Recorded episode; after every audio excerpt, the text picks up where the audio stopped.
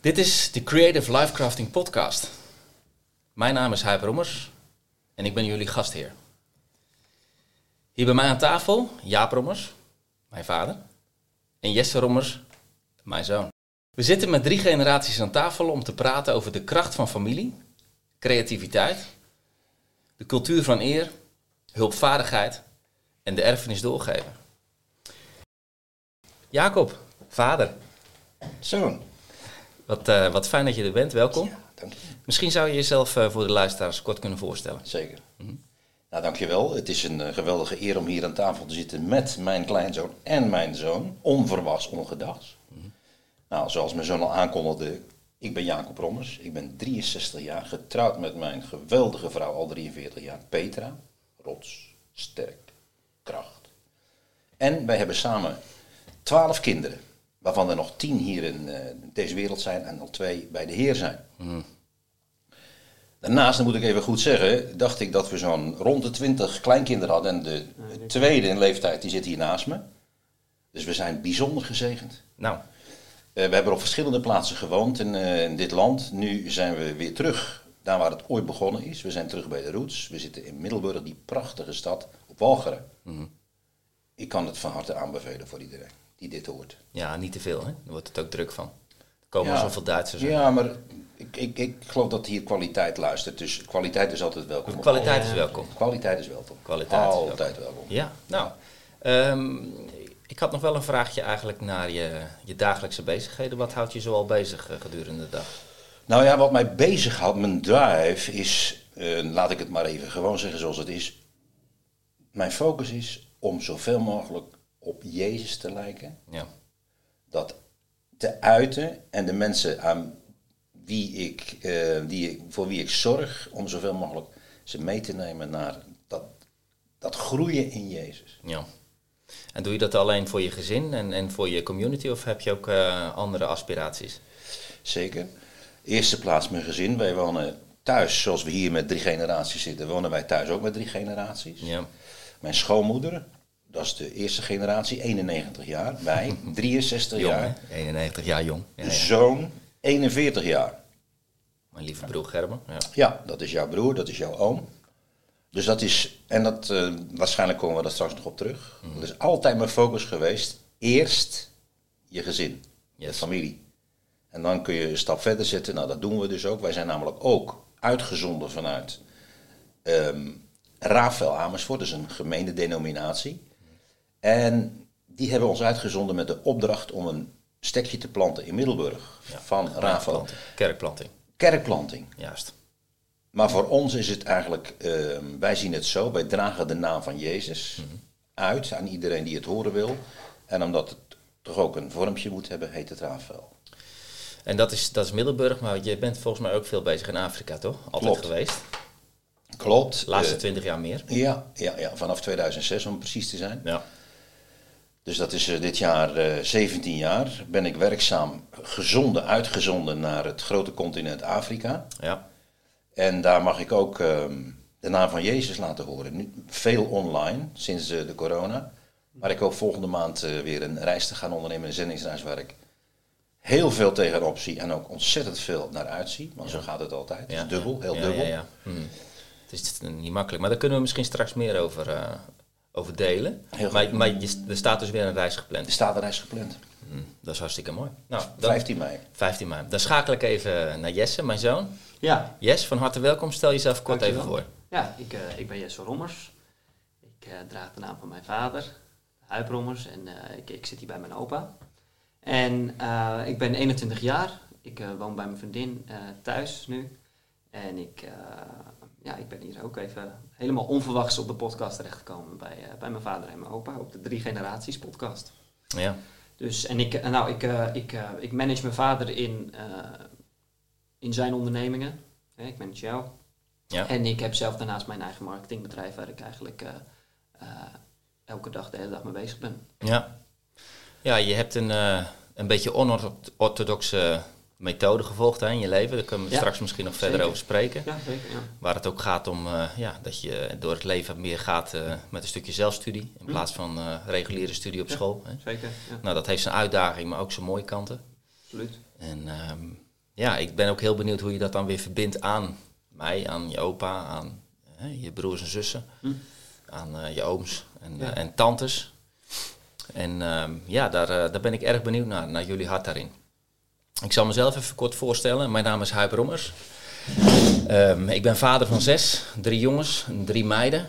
Ehm, dat is mijn, eh, mijn trots en, en mijn blijdschap, mijn gezin. Mijn huwelijk met Antoinette. Eh, zij zit op dit moment in eh, een heel bijzonder gebied. Zij zit in de Gazastrook. En ze is werkzaam in de Palestijnse gebieden heel vaak. Ze is verpleegkundige. En ehm, ja, wij zijn samen gehuwd en wij, wij zetten ons in voor een, voor een betere wereld. In vluchtelingenkampen, in gevangenissen, ehm, in gesloten gebieden.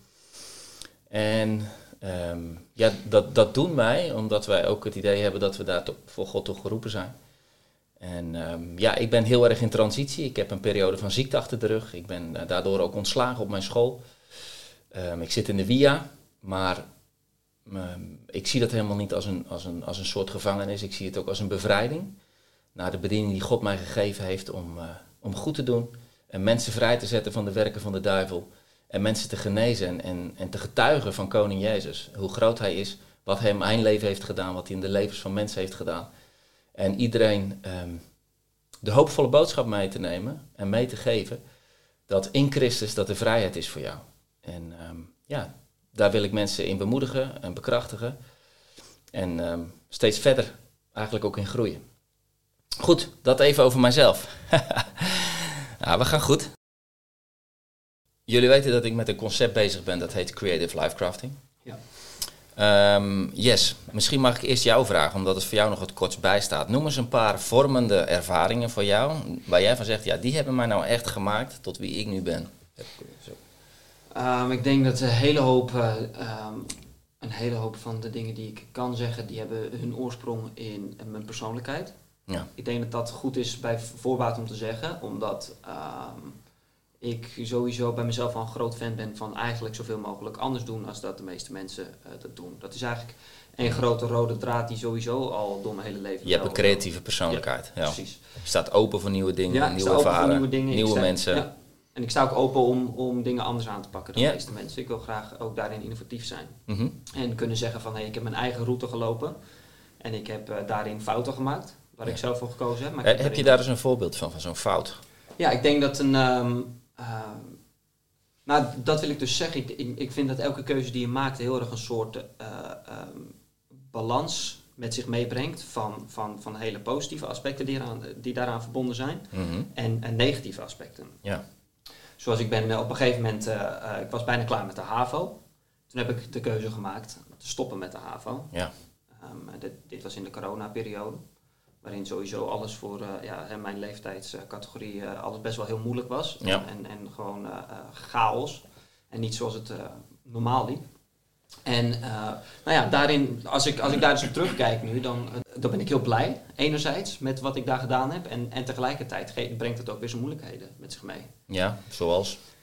Zo, ja, zoals dat je natuurlijk niet ehm, jezelf blijft begeven in een soort beschermde cirkel van mensen die ook in- op jouw leeftijd zijn en, en, en met dezelfde problemen als jij aan het dealen zijn. En je kiest ervoor om eigenlijk eh, prematuur, zou je bijna kunnen zeggen, eh, in de grote boze wereld te stappen. Ja. mhm. En eh, daardoor ben je voor, ja, sta je voor, kom je voor veel verrassingen te staan. Ja. Hè? Dus, Ja. dus dat is lastig, maar dat is tegelijkertijd juist ook hetgeen waarvoor ik gekozen heb, blijf Ja. ik Mm. mezelf aan herinneren. Ja. Dus je hebt aan de ene kant niet de benefits van de instituties, hè, zoals Precies, een school, hè, ja. die dat gewoon allemaal voor jou klaarmaakt met belastingsgeld betaald Ja. en enzovoort. Enzovoort. veiligheid en die eh, de zekerheid. veiligheid hè, en de, de mentoren als docenten, die heb je dan niet. Mhm. Hoe heb jij dat zelf vormgegeven? Hoe, hoe doe je dat met mentoren? Ik, ehm, ik zoek eigenlijk voor elk probleem dat ik ervaar, zoek ik eh, eh, eh, een raadgever. Ja. Hè, zoals, eh, nou ja, zoals eh, jullie twee. Mhm. En eh, soms kan dat mijn broer zijn, of mijn vriendin, of, of, een, of een oom. Of, en, en vaak zijn het al mensen die, die al in mijn kringen zitten. Ja. mhm. En eh, ehm, ja, ik zoek eigenlijk gewoon mensen op met levenservaring. Ja, in je hun advies. Ja. ja. En Ja, dat werkt goed, tot Ja. nog toe. Ja, dat vind ik geweldig. Eer en erkenning naar jou toe dat je dat zo doet. Dank je. Dat is ook juist de reden waarom ik je hier in de podcast wil hebben. Omdat ik dat natuurlijk eh, heel interessant vind als iemand afwijkt. Ja. En hoe die dat dan doet. En eh, Ik denk dat dat ook zeker heel veel mensen inspireert. Ja, het is voor mij, de- daar ligt trouwens ook nog een extra grote druk op, wil ik voor de luisteraars eventjes FYI zeggen. Want eh, beide mijn vader en mijn grootvader zijn docenten. En ja, maar het, het- ik laat even voor zich spreken hoe dat dan dus gegaan is. Ja, ja, ja. Nou, pa, jij bent 63. Jij eh, hebt heel wat vormende ervaringen denk ik achter de rug. Wat zijn voor jou, eh, dat je terugkijkt, nou echt vormende ervaringen geweest tot de persoon die je nu bent? Nou ja, het belangrijkste vormende ervaring is ehm, de openbaring van God in mijn leven. Dat wil ik als eerste noemen. Ja. Dat is het meest diep gegaan en het meest eh, existentieel. Dat heeft mij buitengewoon gevormd en veranderd. Ik ben niet perfect geworden. Maar ik heb wel een, naast de natuur die ik had, heb ik een andere, nieuwe natuur gekregen. En die is nog aan het ontwikkelen tot op het moment van wat ik nu spreek. Dat is het eerste wat ik wil noemen. De openbaring van God, de Vader, de Zoon en de Heilige Geest. Dat is natuurlijk een, een wereld aan zich. Maar ik noem dit alleen even.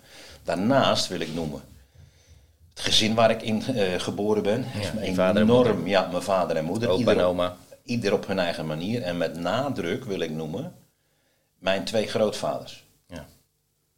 Mijn twee grootvaders, zowel van vaderskant als van moederskant, die hebben heel veel impact op hun eenvoudige manier. Want ik was de oudste en ik woonde dichtbij hen, dus ik zag ze iedere dag. Ja. En ze waren heel present in mijn leven. Ja, hoe, hoe uitte zich dat? eh?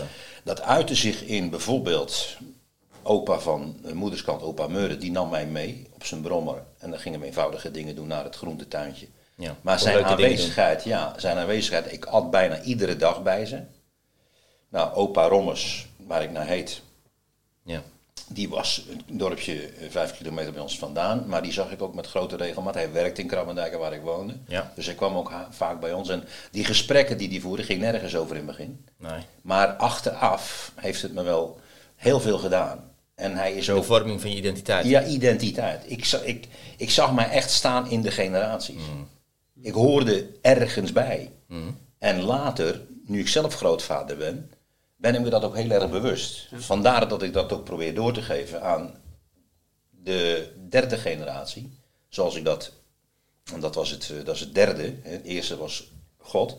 Tweede, mijn gezin waar ik in geboren ben. En het derde is mijn eigen gezin. Ja. Wat mij enorm heeft eh, beïnvloed.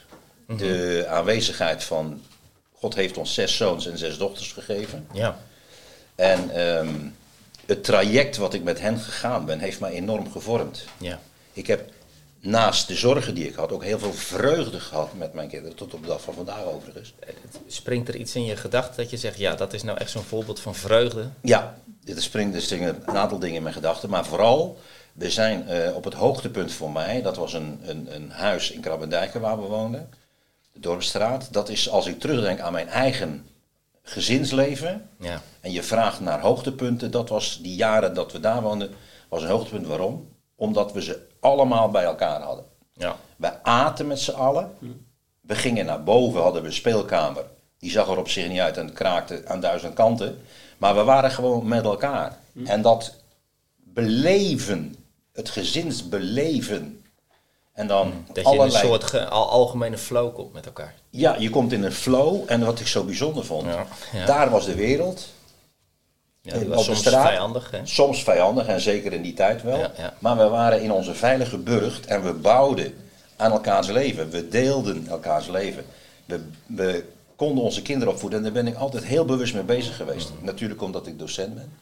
Ik heb dan een vraag. Ja, Denkt u dat voor gezinnen die eh, misschien een kwart van de hoeveelheid kinderen die u heeft gehad, dat, dat, dat het voor hun hetzelfde heeft gevoeld? Als dat zo was? Eh, eh, denkt u dat de hoeveelheid kinderen en, en, en, de grootte van je gezin uitmaakt voor dat gevoel? nou ik denk in die zin ja en nee zou ik zeggen. Dat is ook van hoe je het zelf invult. Hè? Dat is hoe je het invult. En nou, ik moet niet zeggen dat we nou een blauwdruk hadden toen we trouwden. Ik wist helemaal niet hoeveel, of er überhaupt kinderen zouden komen. Nee. Nee. Achteraf hoor ik dat mijn moeder zorg had of ik überhaupt kon voortplanten. Dus eh, die was al blij dat er, dat er één zoon was geboren. En toen kwam de hele reeks. Toen was ze daar snel van genezen natuurlijk, van die gedachte. zoiets- Oh, oh, ja. Ja, dat is dus. De, maar dus dat wisten we niet. Dus, dus wij zien ieder kind dat we gekregen hebben, zelfs het meisje van zeven maanden, als een grote gave van God. En de eerste en de twaalfde en alles wat ertussen zat, heb ik als een diep wonder beleefd. Nergens meer heb ik de scheppende hand van God gezien toen het mijn kinderen geboren zou worden. En dat babytje in mijn dat, dan krijg je een gevoel over je wat onbeschrijfelijk is. Dat, is, het is niet, dat geeft zoveel emotie.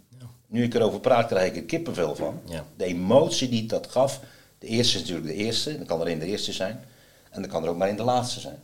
Maar daar zit geen verschil in. En dat heeft mij buitengewoon gevormd. En ik heb ook de waarde gezien van een gezond en een gebalanceerd gezinsleven. Want als docent en ook als pastoraal medewerker heb ik helaas heel veel andere voorbeelden gezien. Ja. Waar dat niet het geval was. Ja. Maar om, terug, om jou terug te komen, op jou terug te komen, jouw vraag van de hoeveelheid kinderen. Ik ben in de loop van de jaren, ben ik daar, ehm, is daar een ontwikkeling in gekomen. Ik heb wel eens op het standpunt gestaan van maximaal. Maar nu, mede op grond van wat ik meegemaakt heb en ook meer inzicht in de schrift, gaat het nu meer om optimaal. Mooi. Er staat in de Bijbel, Dat is mooi. Ehm, hij gewoon zonen en dochteren, meervoud. Maar als we er drie hebben, of twee, dat is ook meervoud. Ja. Maar vier, voor mij is eigenlijk vier een heel mooi, want dan heb je, en dat heb ik dus gezien, een verdubbeling. En dan, je kunt het niet uitkiezen. Hè. Er kunnen vier meisjes zijn, vier jongens zijn, maar het mooiste is twee meisjes, twee jongens. Want mijn kinderen, onze kinderen, hebben heel veel sociale vaardigheden opgedaan. Bijvoorbeeld de jongste dochters, die hadden vijf jongens boven zich. Die hebben heel veel sociale vaardigheden opgedaan hoe je met jongens omgaat. Ik heb dat met name met Eelkje. Die heb ik ook in de, ik heb ze ik heb negende klas gehad. Gezien hoe zij, hoe zij met jongens, zo het spelende gemak, Ja. omdat ze dat thuis gewend was. Ja. ja, het is misschien voor de luisteraars ook even goed eh, om, te, om te zien en te weten. Mijn vader is altijd eh, docent Frans geweest. En ik eh, heb de spits mogen afbijten. Het was zelfs een keer zo dat ik in één lesuur drie keer straf van hem kreeg. Omdat ik kauwgom zat te kauwen. Dat was eh, niet de bedoeling. En ik had mijn huiswerk niet gemaakt. En... Hij zat te klieren met een buurmeisje. Nee, in, in de lunchpauze hadden we Spaanse peper tussen de boterhammen van de meisjes gedaan. Dus dat was ook niet de bedoeling. toen kreeg ik drie keer straf en toen zei hij s'avonds, nou, dat, eh, dat is wel goed zo. Hij vond het zelf ook wel mooi ergens. Dus eh, ja, ja. Zie Dat je? hebben we altijd gehad, hè? Ja, ja, School was school en thuis was thuis. thuis was thuis. We kwamen er niet meer op terug wat er op school was gebeurd. Dan had ik nog namelijk eh, urenwerk. Als ik alles. Ja, als je had alles er over de dag. ja, ik had al genoeg meegemaakt over de dag. Hè, Mm. Met collega's enzovoorts. En als ik dat thuis ook nog eens een keer moest gaan overdoen, dan. eh, De hoeveelheid kinderen in dat leven van u, eh, in die tijd, eh, opa, dat is abnormaal. Mhm. En in de klas en thuis. ik was heel present in het leven. Dat heb ik niet altijd, moet ik zeggen, als een zegen ervaren. Maar toch meestal wel. Ja. Want ik, ze konden moeilijk ontsnappen. Er zijn een aantal dingen gebeurd die ik niet weet. Hè. Dat hebben ze wel voor elkaar gekregen, want ze waren ook vindingrijk natuurlijk. Ze dachten van, nou, hij ziet bijna alles, maar niet alles. Nee, Daar zorgen wij voor. Maar in ieder geval, ik was wel heel present in hun leven. En ik was zowel thuis als op school en in de vakantie, was ik er. Ja. Ja. En daar heb ik ook de waarde van de aanwezigheid van vader leren zien. Ja. En ook het grote gemis als dat niet het geval is, met name in Afrika. Nou ja, dat, dat is wat mij betreft een van de grootste pandemies. Eh, als je daar zo in die. eh, hè, de invloed van vaders. Vaders die eh, zich toegewijd hebben, in eerste plaats aan de moeder. Hè, daar gewoon van houden en hun leven voor afleggen. En zich daaraan toewijden, maar dan vervolgens vanuit die toewijding ook voor de kinderen die er komen. Hè, ik ben dus zelf ook docent, gymdocent. En ehm, als je dus ziet, de, de studenten, de leerlingen die je mag begeleiden, die een gebroken thuissituatie hebben. Ehm, ja, op een of andere manier zie je gewoon een bepaalde gebrokenheid, rebellie, ehm, eh, gebrek aan Jij liefde, zegt sturing. pandemie, maar ik zou bijna willen spreken van een pest van onze tijd. Ja, absoluut. De, de vaders, kijk, het is, ehm, er wordt altijd veel naar verwezen, naar de jaren 60 en de seksuele revolutie. Maar ik denk uiteindelijk zijn de zwakkeren van deze revolutie het kind van de rekening geworden. Dat zijn de kinderen en vrouwen. En, en ook al gold het dan als een, als een bevrijding voor vrouwen, uh, het is eigenlijk een bevrijding voor mannen geworden, dat ze geen verantwoordelijkheid meer voor hun eigen seksualiteit hoeven te nemen. En, en dit zijn allemaal leuke ideeën voor mensen die hoog opgeleid zijn en toch de mogelijkheden wel hebben. Mm. Ook al hebben zij er ook pijn van. Maar wie lijden nou het hardst? Dat zijn de meiden, de jonge meiden, de jonge vrouwen, die uh, toch al lagere socio-economische status hebben. Uh, zelf misschien al uit een gebroken situatie komen. En dan uh, met een paar kleine kinderen zitten. En dan gewoon een, geen vent hebben die thuis geeft. Nou, ga daar, ga daar maar eens met je mooie theorieën en ideologieën uh, uh, staan. En daar wil ik iets aan toevoegen. En die kinderen krijg ik in de klas. Juist, die krijg je in de klas. En nu hadden we het over wat jij vroeg van wat heeft jou het meest beïnvloed. Ik noemde als tweede mijn eigen gezin. Of tenminste waar ik uitkom. Oudste van zeven ben ik. Ik heb onder mijn vijf, vijf zussen. Dus ik droeg altijd een hele grote verantwoordelijkheid. Maar wat ik dus voor mijn ogen heb zien voltrekken. Als het nou gaat over de aanwezigheid van vader, mijn vader, wat een hele eenvoudige man was, ja. niet op de voorgrond trad, maar wat hij wel had, had een enorme loyaliteit naar zijn vrouw toe. Ja. Een integriteit, want deze man, en ik wil hem met eer noemen, met heel veel eer, hij is maar 64 geworden. Maar hoe die voor zijn vrouw stond, ook toen het moeilijk werd, want de vrouw, mijn moeder kreeg en mensen op 39-jarige leeftijd. heeft meer dan 20 jaar heeft hij voor de gewerkt en gestaan. En, uh, hij was er gewoon altijd. Ja. Naast zijn werk wat hij moest doen. Ja. En dan gaan, dan gaan wij naar huis en dan staat er een vrouw te wachten die van alles voor ons klaarzet. Maar hij ging naar een vrouw die daar in een stoel zat en alleen kon groeten en knikken en zo moe was. Ja. En in die twintig jaar dat ik dat mee heb gemaakt, heb ik hem slechts één keer een klacht horen zeggen. Eén keer. En al die andere keren, daar heb ik trouw leren zien. Zo, daar heb je het uh, belichaamd gezien. Hè? Het belichaamd gezien. Niet met woorden, maar met daden.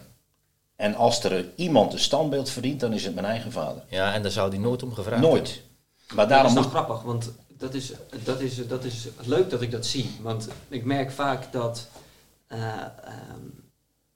als ik mensen spreek, ik hoor niet veel mensen zo over hun vader spreken. Mhm. Ik spreek zo zelf ook over mijn vader. Mhm. En over, over mijn familie eigenlijk in zijn algemeenheid. Als ik kijk wat voor een rol of, of, of, of wat voor een uh, ontzettende significantie dat heeft gehad op wie ik ben geworden. Mhm. De familie en, uh, uh, en, en, en, en de duidelijke aanwezigheid van een vaderfiguur. Ja. Die, is, die, is, die is enorm bepalend. Ja.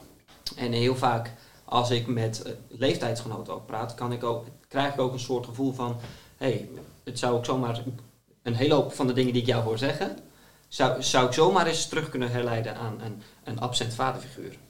Geloof dat maar gerust. Ja. Dat, dat zou kun je weglaten. Dat is een zekerheid. Ja, dat is bijna waar merk je dat dan vooral aan? Wat, wat, zijn dat hele subtiele dingen? Of uh, is dat nou, het, zijn, het, het zijn uh, uh, je ziet het sowieso bijvoorbeeld in hoe zelfverzekerd sommige jongens dan zijn over hun mannelijkheid. Mm. Zijn ze dus net Het gebrek daaraan dan? precies, ja. Uh, dan gaan ze dan compensatiegedrag vertonen. Precies. Uh, je ziet heel veel compensatiegedrag. Je ziet heel veel. Uh, je ziet ook dat. en dan heb ik het met name over jongens. Dat ze heel erg zijn opgegroeid in. In, in een soort grenzeloos gebied. Mm Dus zonder kaders. Ja. Zonder een, een duidelijk figuur die, die, die de spiegel niet, alleen voorhoudt. Ja. Precies, maar ook daarop handelt. Ja. Uh, en, en, en, je ziet heel veel dat uh, mensen gewoon totaal niet comfortabel zijn in hun eigen seksualiteit. Mm En ik vind sowieso dat een hele grote, een, ja, een, ja, een heel groot punt in die discussie, in die seksuele discussie, is denk ik het... De confusion. Precies. En, nou ja, Over je seksualiteit. ja, dat ik bedoel te zeggen van um, die, dat duidelijke vaderfiguur. Die mis je. Die mis je. Dus, ook in die, dus in het ontdekken van wie jij bent, ook in je seksuele zin, hè, mhm. mis je gewoon een, een, kader en een identiteitgevend persoon. Ja. Mhm. En dat wordt alleen maar erger. Ja. Dat, Is, uh, dat is echt een, een, een, een ik zou aan willen moedigen deze podcast breed te verbreiden. Mm. Zodat we de gelegenheid krijgen om daar eens een keer de vinger bij te leggen. Ja. Vanuit een gezond, evenwichtig niet uh, obsessief, want dat is het helemaal niet. Want als het, het gaat eigenlijk vanzelf, als je begrijpt wie je bent en wat je moet doen, dan gaat het vanzelf. Ja. Want hoe natuurlijker het is, hoe beter het is. Ja. Ik, ik wilde even op inhaken, ook voor, uh, voor de kijker en de luisteraar.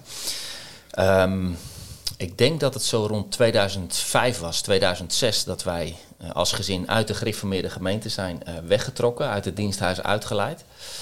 Ehm, dat kwam omdat wij in contact kwamen met ehm, Congolese mensen die ons uitnodigden voor de dienst. En eh, Frans sprekend, asielzoekers. Maar de liefde die deze mensen hadden en ehm, de uitstraling en de aanwezigheid van God, die was, die was zo groot. En dat had zo'n impact op ons dat we daar gebleven zijn. In eerste instantie om hen te helpen in de praktische dingen. Maar later begonnen ze ook echt impact te krijgen in geestelijk opzicht over ons. En toen eh, op een dag, op een zondag, toen eh, was daar een gigantische Congolees met sukke kolenschoppen. En die, uh, die was evangelist. En die trad ook op in de kracht van de geest. Dus de tekenen en wonderen doen. En, en, en, en met kracht bidden voor mensen met handoplegging. En hij bad die avond ook voor mij. En ik was vlak daarvoor was ik tot geloof in Jezus Christus gekomen. In levend geloof. Ik, voor mijn hele leven ehm, was ik altijd wel een soort van... Hè, um, ik zat wel in de orthodoxie, dus ik geloofde wel dat er een God was en dat het woord van God waar was, maar dat deed echt totaal geen enkele kracht in mij. En ik was gewoon een huigelaar en ik had gewoon een dubbel leven. En dat gold eigenlijk voor ons allemaal, los van mijn vader, die, die had wel een actief geloof, en mijn zusje Marika. Um, maar voor de rest waren we eigenlijk allemaal in de orthodoxie en, en dat, dat was wat we deden. En toen was deze man dus gekomen, maar ook mijn vader die werd ongelooflijk door hem aangestoken. En, en ik ook. Ik, ik ervoer toen voor de eerste keer wat het was om aangeraakt te worden door de kracht van God. En toen zaten we, en dat deden we altijd s'avonds, dus ook goed voor jullie om te weten, hebben we een gigantische tafel. En dan met kinderen en kleinkinderen, iedere zondagavond, dat hebben we jaren gedaan, zeker twintig jaar. Iedere zondagavond bij elkaar komen, uh, het leven vieren, hoogtepunten, dieptepunten delen, maar ook uh, ons, ons geestelijk leven vieren. Mm. En toen op die avond, ik weet niet of jullie de geschiedenis van Cornelius kennen, maar Cornelius was heel hongerig naar God en die liet Petrus halen. En God zei ook tegen Petrus dat hij moest gaan. Toen was Petrus aan het vertellen en die was aan het praten en toen viel de geest van God. En dat gebeurde ook bij ons. Want je hebt misschien wel eens gehoord dat één iemand tot geloof gekomen. Maar heb je wel eens gehoord dat er een heel, heel gezin, hele familie, verschillende gezinnen tegelijk die in één huis zijn, dat de geest van God valt. En dat gebeurde bij ons. Want mijn vader die begon aan iedereen te vragen: hey, geloof jij dat de Heer Jezus Heer is? En geloof je dat God hem uit de doden opgewekt heeft? En als je dat gelooft en beleidt met je mond, dan zul je gered zijn. Zul je een kind van God zijn. Zullen je zonden vergeven zijn. Dan hoor je bij hem. En hij ging iedereen het rijtje af en iedereen zei ja, ik geloof dat. En mensen begonnen te huilen en begonnen vergeving aan elkaar te vragen.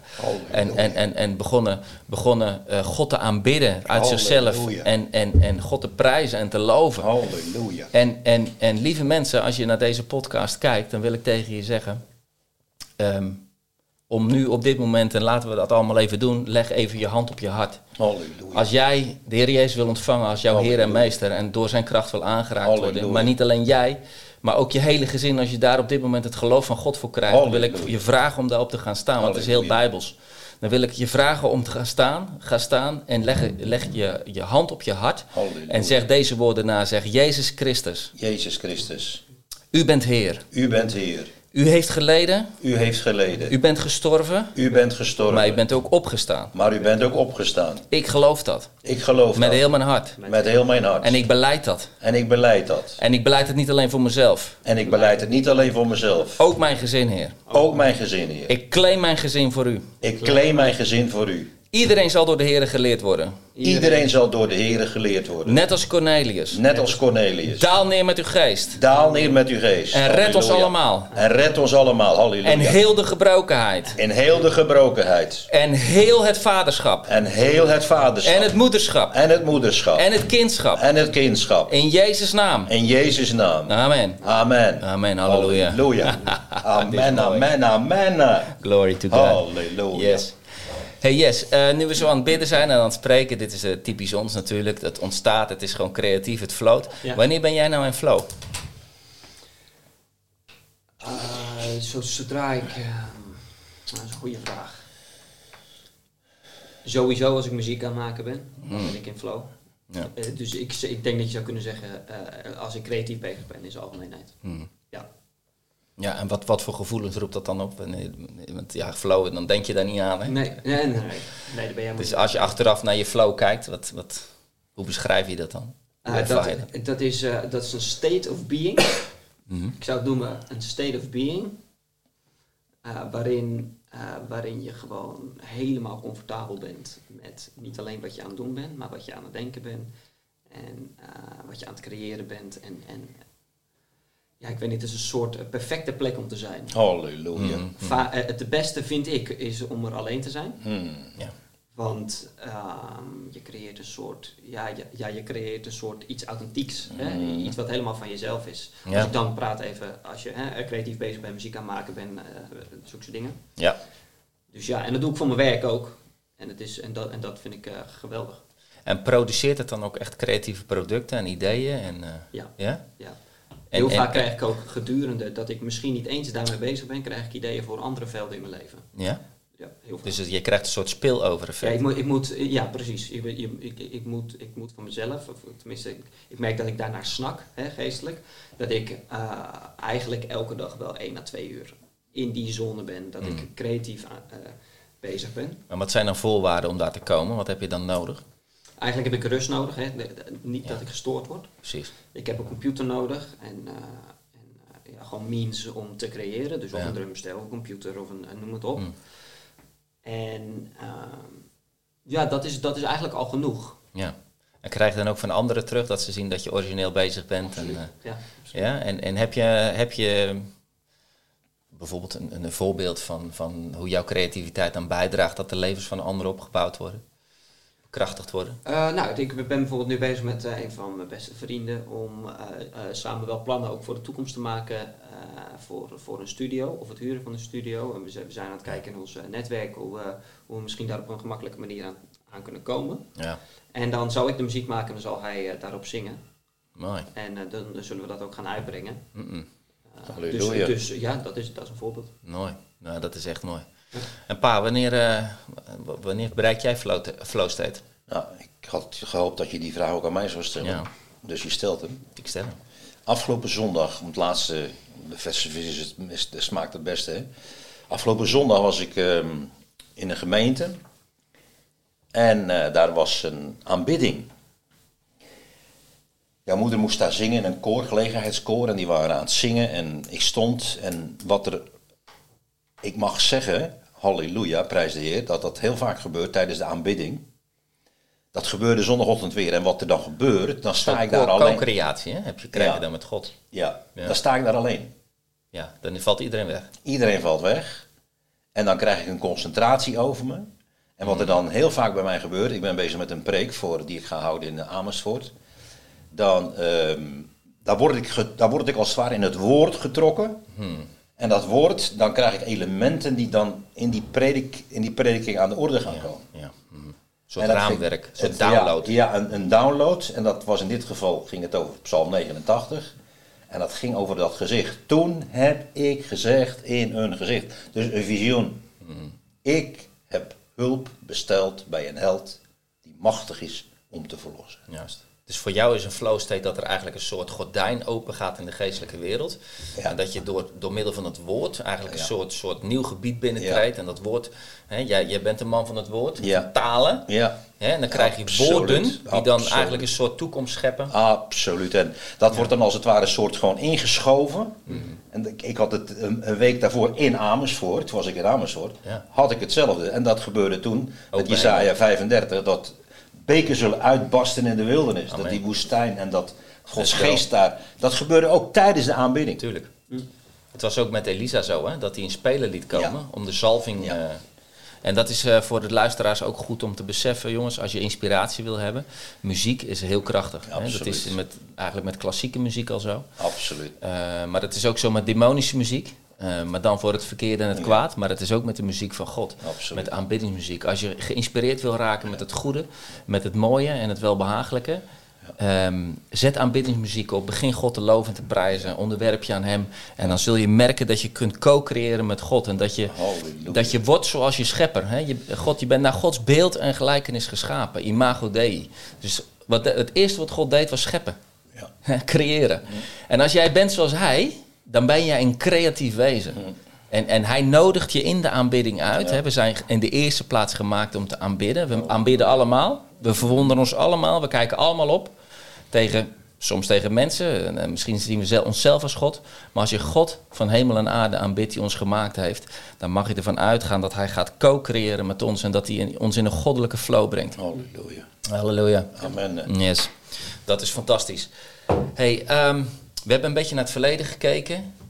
En we hebben nu naar het heden gekeken. Hè? Wanneer ben je in flow? En ik kan me ook zo voorstellen dat als je dat inderdaad, als dat een, een, een kralenketting is die je zo door je leven heen rijgt, hè, dan, dan is je mentaal en je geestelijk en je fysieke welbevinden is in orde.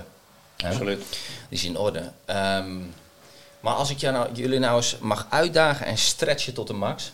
Mm. Als je nou eens met die bril hè, van creativiteit, Gods creativiteit, kijkt naar je verleden, de vormende aspecten, eh, naar flow states in het heden. Welke bedoelingen, en, en nu wil ik echt jullie vragen om eens even een flinke geloofstap te nemen en het hier uit te spreken. Ja. Welke bedoelingen en welke betekenis, welke waarde geef jij nou aan de toekomst? Welke erfenis? eh, welke, eh, hoe zou jij jezelf eigenlijk in... Je bent onsterfelijk, want als je, je gaat naar God, je geest is onsterfelijk. Maar ook je erfenis. Hoe maak je nou je erfenis onsterfelijk hier op aarde? En dat is natuurlijk een grote vraag, maar ik zou zeggen, begin maar gewoon. Wie, de, wie hem wil beantwoorden. Nou, het beste kan ik dan zeggen, eh, we zijn bezig in Middelburg begonnen met de Filippenzenbrief. En we zijn aangekomen in het derde hoofdstuk. En gisteren was, eh, waren de laatste versen aan de beurt, maar daar ben ik nog niet aan toegekomen. Maar omdat I dwell in it, in dat hoofdstuk. Wonen. Ja. Ik, vind het, ik hou niet zo van Engelse taal, maar dit vind ik Ja. nou een mooie expressie. Dat geeft nou precies weer hoe ik me voel. Als ik in Filippenzen 3, ik zou daar gewoon in willen blijven.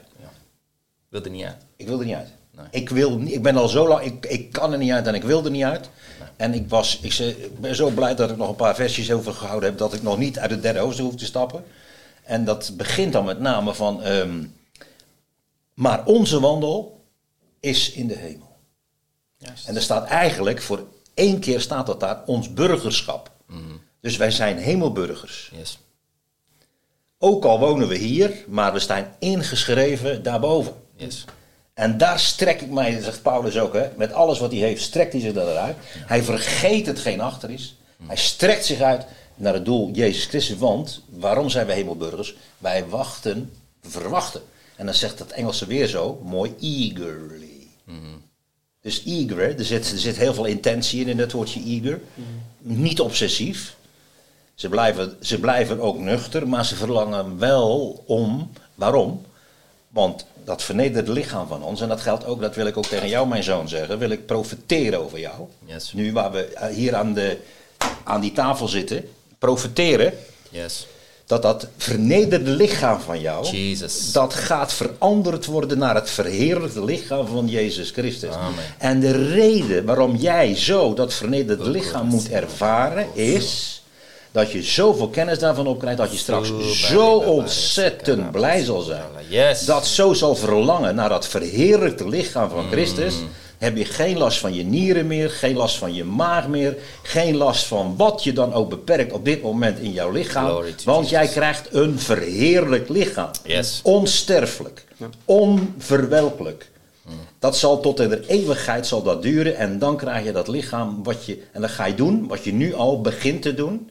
Dan ga je dan tot in volmaakte eeuwigheid, er staat in de Bijbel een eeuwigheid der eeuwigheden, ga je met dat verheerlijk lichaam Jezus Christus groot maken. Halleluja. En dat is de reden waarom jij nu zo dat vernederde lichaam moet ervaren. Ik heb tegen jou al eerder gezegd, jij maakt een enorme aanloop het is net, je wordt achteruit getrokken als die boog zo. Die pees die wordt achteruit getrokken. En hoe meer je achteruit gaat, hoe verder je gaat reiken. Ja. En dat gaat gebeuren. Halleluja. Ja, even voor de luisteraars, eh, voor wie mij niet kent. ehm, ik, ik noemde het net al in de introductie. Ehm, ik heb echt veel moeite met mijn, eh, met mijn lichaam. Eigenlijk al mijn hele volwassen periode. Maar het is sinds de coronatijd behoorlijk erger geworden.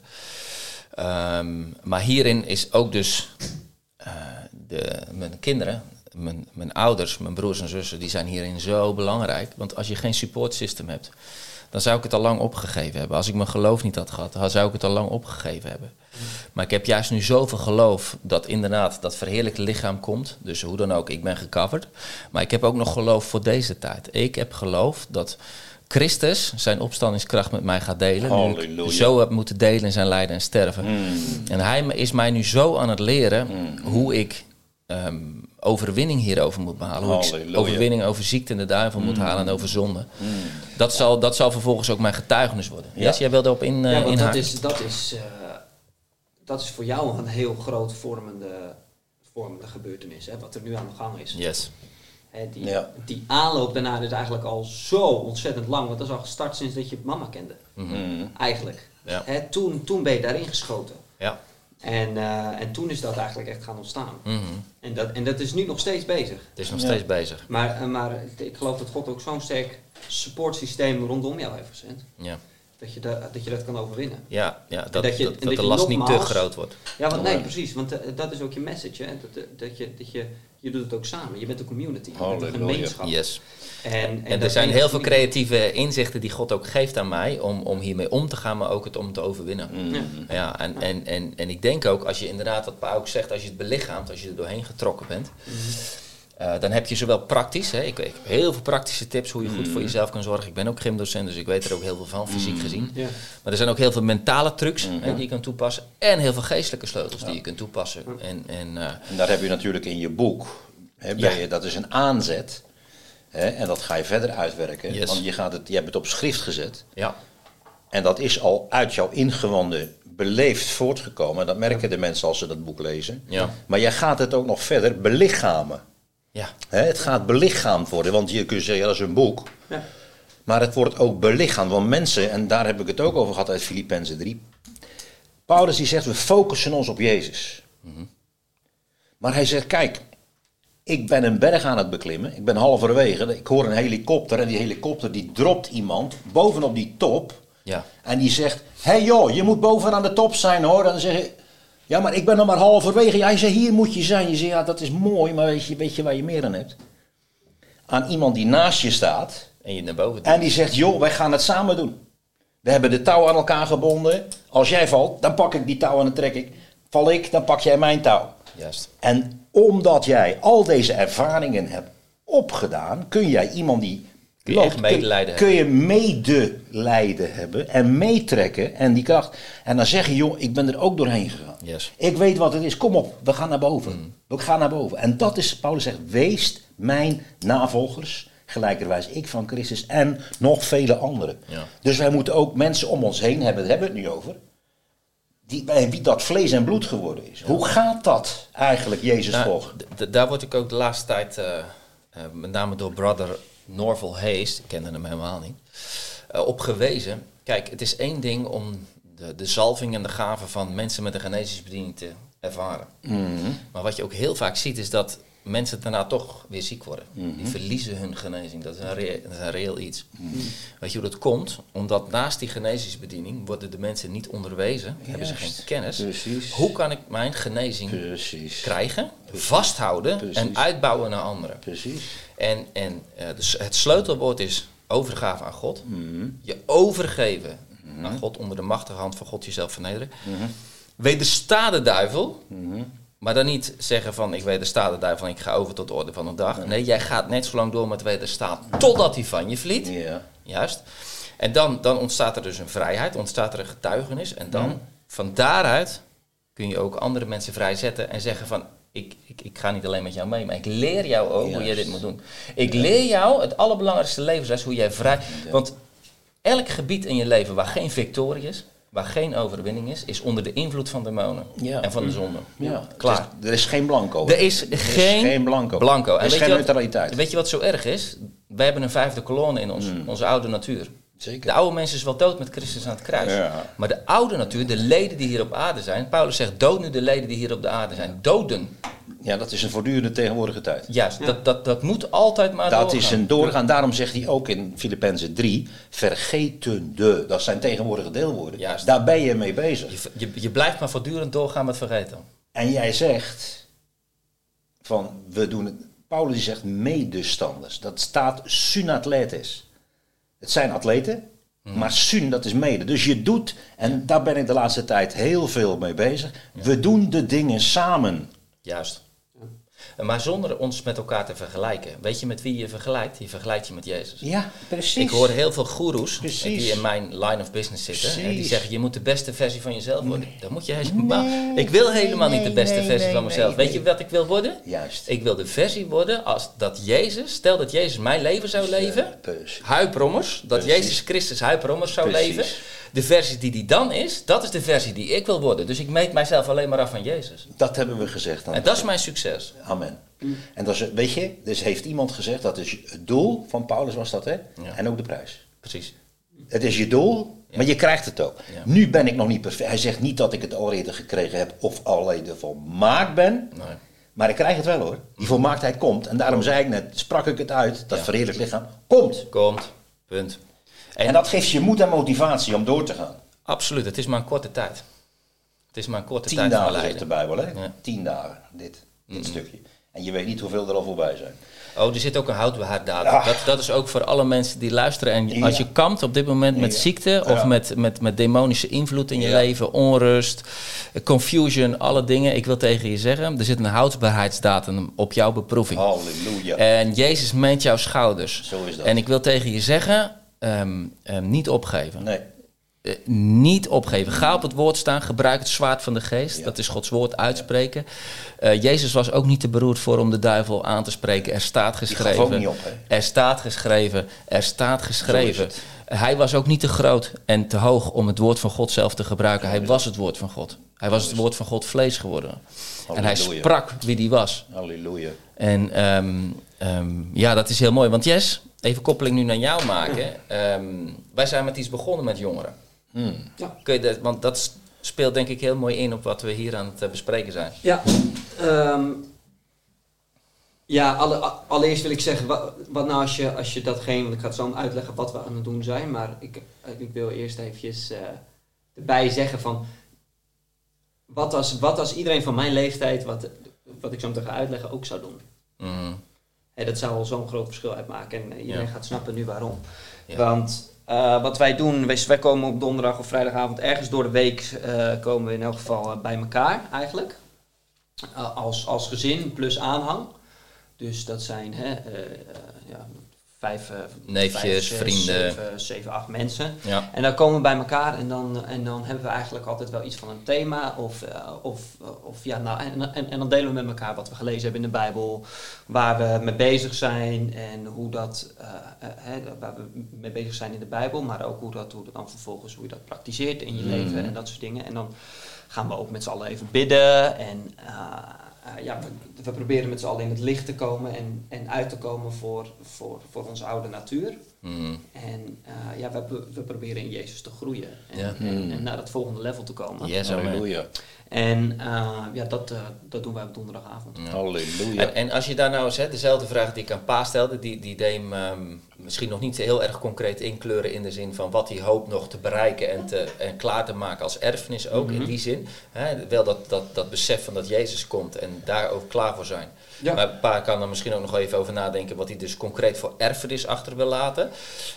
Voor jou ook. Wat, wat is de erfenis als je het helemaal vrij mag zijn van geld en van angst en van wat dan ook, als je vrij mag dromen? Wat is de erfenis die jij wil achterlaten? Nou, ik wil graag dat, dat de naam Jesse Rommers eh, ja, een grote naam gaat zijn in eigenlijk de zakenwereld. Mhm. Hè, ik wil graag een eh, eh, van God vervulde zakenman worden. Ja. Hmm. En dat eh, elke dag op eh, de plekken eh, waar ik kom ook, ook te laten blijken aan iedereen om mij heen. Ja. Hè? En dat mensen naar mij toe komen en mij vragen: hey, wat, wat heb jij dat ik niet heb? Hoe komt dat? Ja. Hoe, hoe, hoe, hoe heb je jouw levensstijl ingedeeld? En, eh, Ja. en dat ik dan kan eh, getuigen van Gods kracht. Dat is eigenlijk dat is wat ik voor mij zie. En ja, concreet is dat, is dat gewoon dat ik een, verschillende enorme grote bedrijven heb. eh, waar ik, waar, waar, waarmee ik ook invloed uitoefen. Mhm. En eh, eh, ook fysiek. Ja. en in de politiek en, en, en in de financiële wereld, waar natuurlijk de wereld geleid wordt, ehm, eh, wi- wil ik daar ook invloed uitoefenen Ja. met die means. Kijk, ehm, de, ik wil het even zo uitleggen. De wereld spreekt in een wereldse taal. Ja.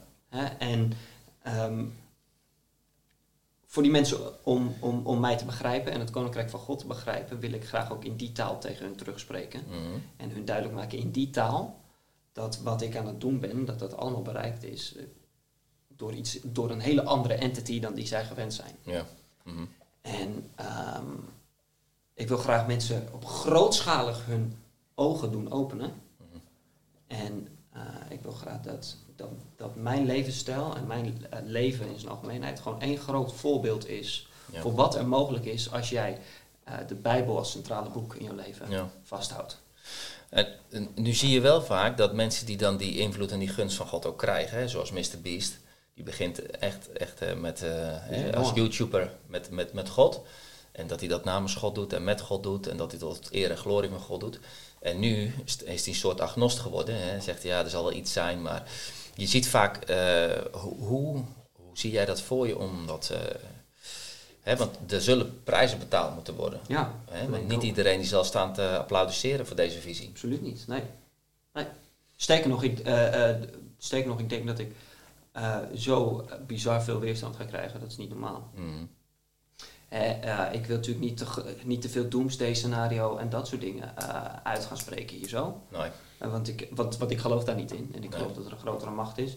Maar het is er natuurlijk wel echt heel erg aan toe in de wereld. Ja. En zeker, zeker speelt mijn generatie daar een enorme grote rol in. Ja. Hè? En, ehm, dus, dus dat vind ik heel lastig. Maar ik denk dat ik juist heel veel weerstand ga krijgen. Ik denk dat het met niks te vergelijken is. Die hoeveelheid en die grootte. ja. En dan, dan is de prijs, kan ik me zo voorstellen, hè, je focus op de prijs.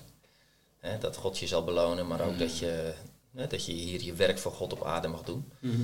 En dat je er denk ik ook heel overvloedig van mag genieten. Dat denk ik ook. Hè? Dat je tot leven komt en dat je kindskinderen en je kinderen en je, misschien je, je vader en moeder en, en opa en oma allemaal ook financieel door jou gezegend kunnen worden. Absoluut, absoluut. Dat, dat is absoluut de bedoeling. Hè, En dat je de, de, hoe heet het? De bedoelingen van God met fuel, hè, want dat draait toch ook op geld voor, deel, voor, voor een deel, met- van fuel kunt voorzien. ja precies. Hè? En, en dat je zegt van ja, dat ik daar dan de prijs voor moet betalen is maar een kleine prijs in feite. Tuurlijk. Ja, absoluut. Ja, mhm. ja nee, ehm, ik zie dat eh, als, ik, als ik naar de toekomst kijk, naar mijn vormende ehm, ervaringen in het leven en waardoor ik in flow kom. Hè, dit hier, door bijvoorbeeld zo'n gesprek kom ik ongelooflijk door in flow. Ja. Ehm, als, ik naar de, als de erfenis die ik heel graag wil achterlaten, zijn inderdaad mijn kinderen. Hè? eh, maar ook mijn broers en zussen. Ik voel me verantwoordelijk als oudste. Ehm, ik heb gewoon geloofd dat al mijn broers en zussen met aanhang van de Heer geleerd zullen zijn. Hem zullen dienen, liefhebben. Hun hele leven aan hem zullen toewijden, onverdeeld. Ehm, dat is een erfenis die ik sowieso achter wil laten voor mijn broers en zussen en mijn kinderen en mijn kindskinderen. Ik wil ze eh, financieel gezond achterlaten, dat mijn kinderen kunnen studeren of een business kunnen openen. Eh, ik, wil, ik wil ze allemaal een huis nalaten. Eh, ik wil ze ehm, een, florerende gemeente nalaten. Ik wil ze een florerende bediening nalaten. Ik wil dat mijn kinderen in mijn bediening kunnen komen als ze dat willen. De bediening van hun moeder. Ik wil dat eh, de bediening van mama en mij steeds meer samen gaat vloeien. Ja. Ik wil boeken nalaten. Ik wil geluidsfragmenten nalaten, video's nalaten, preken nalaten. Ehm, ik wil eventueel kunst nalaten, gebouwen nalaten. Ehm, ehm, ik heb heel veel eh, geloof dat God letterlijk de sluizen van de hemel ook financieel voor mij open gaat zetten. Dat spreek ik hier nu ook even uit. Omdat ik, omdat ik geloof dat ik een goede steward ben van geld. Amen. Ik heb leren sparen, ik heb leren geven, ik heb leren mijn gezin onderhouden en nu de volgende fase, ik ga nu leren investeren. En met die investering ga ik ook in, in het Koninkrijk van God investeren. En ik roep de miljoenen op dit moment eh, naar mij toe. In. Jezus' naam, het is onderdeel van mijn erfenis. in Amen. Christus. Want hij werd arm, terwijl hij rijk was. Amen. Zodat ik door zijn armoede rijk kan worden. Halleluja. En, en hij heeft mij een goede gastheer hiervan gemaakt. Mm, En zo wil ik ook eh, bekend staan als iemand die gul was. mm, Iemand die eh, een visie had. Mm. Die met zijn visie ook over de generaties eh, tot zegen is. Ja. Ehm, dus dat, dat is wat ik heel graag, eh, eh, hoe ik heel graag herinnerd wil worden. En de erfenis die ik na wil laten. mooi. Wil jij daar nog een concretisering Ja, ja, geven? zeker, zeker. Ehm, als het daarover gaat wat ik na wil laten, eigenlijk zou ik wereldwijd communities achter willen laten. Ja. En die communities, ehm, micro, meso en macro. Micro denk ik aan de communities gezin, vader, moeder, kinderen, waar de vrezen des Heren woont. Amen. En dat dat overal als een olievlek zich overal uitspreidt in de dorpen, de steden, het Yes. land, internationaal. Vanuit de gezin, hè? En vanuit de gezinnen. En dat die communities samen gaan mezo tot het stichten van grotere gemeenschappen.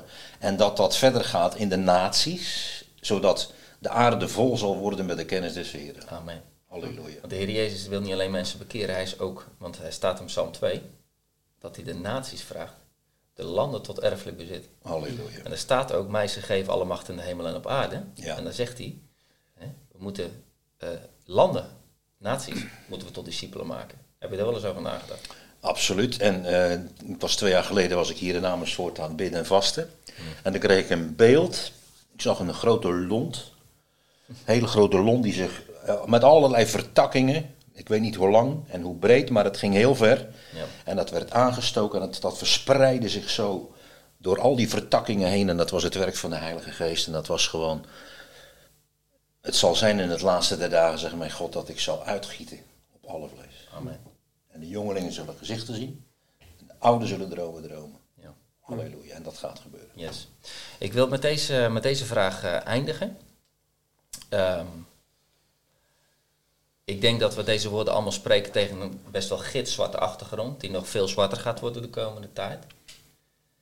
Ehm, dus ik, ik geloof persoonlijk dat een, een gezond gezinsleven geen luxe is, maar een absolute noodzaak. Dus wat, het beeld wat jij deelt, dat, dat, dat, dat is niet een, ja, misschien is dat inderdaad een goed idee. Ik denk dat, dat je, eh, gezien, gezien alle ontwikkelingen, absoluut geen enkele kans maakt als je geen stabiel en gezond gezin hebt. Absoluut.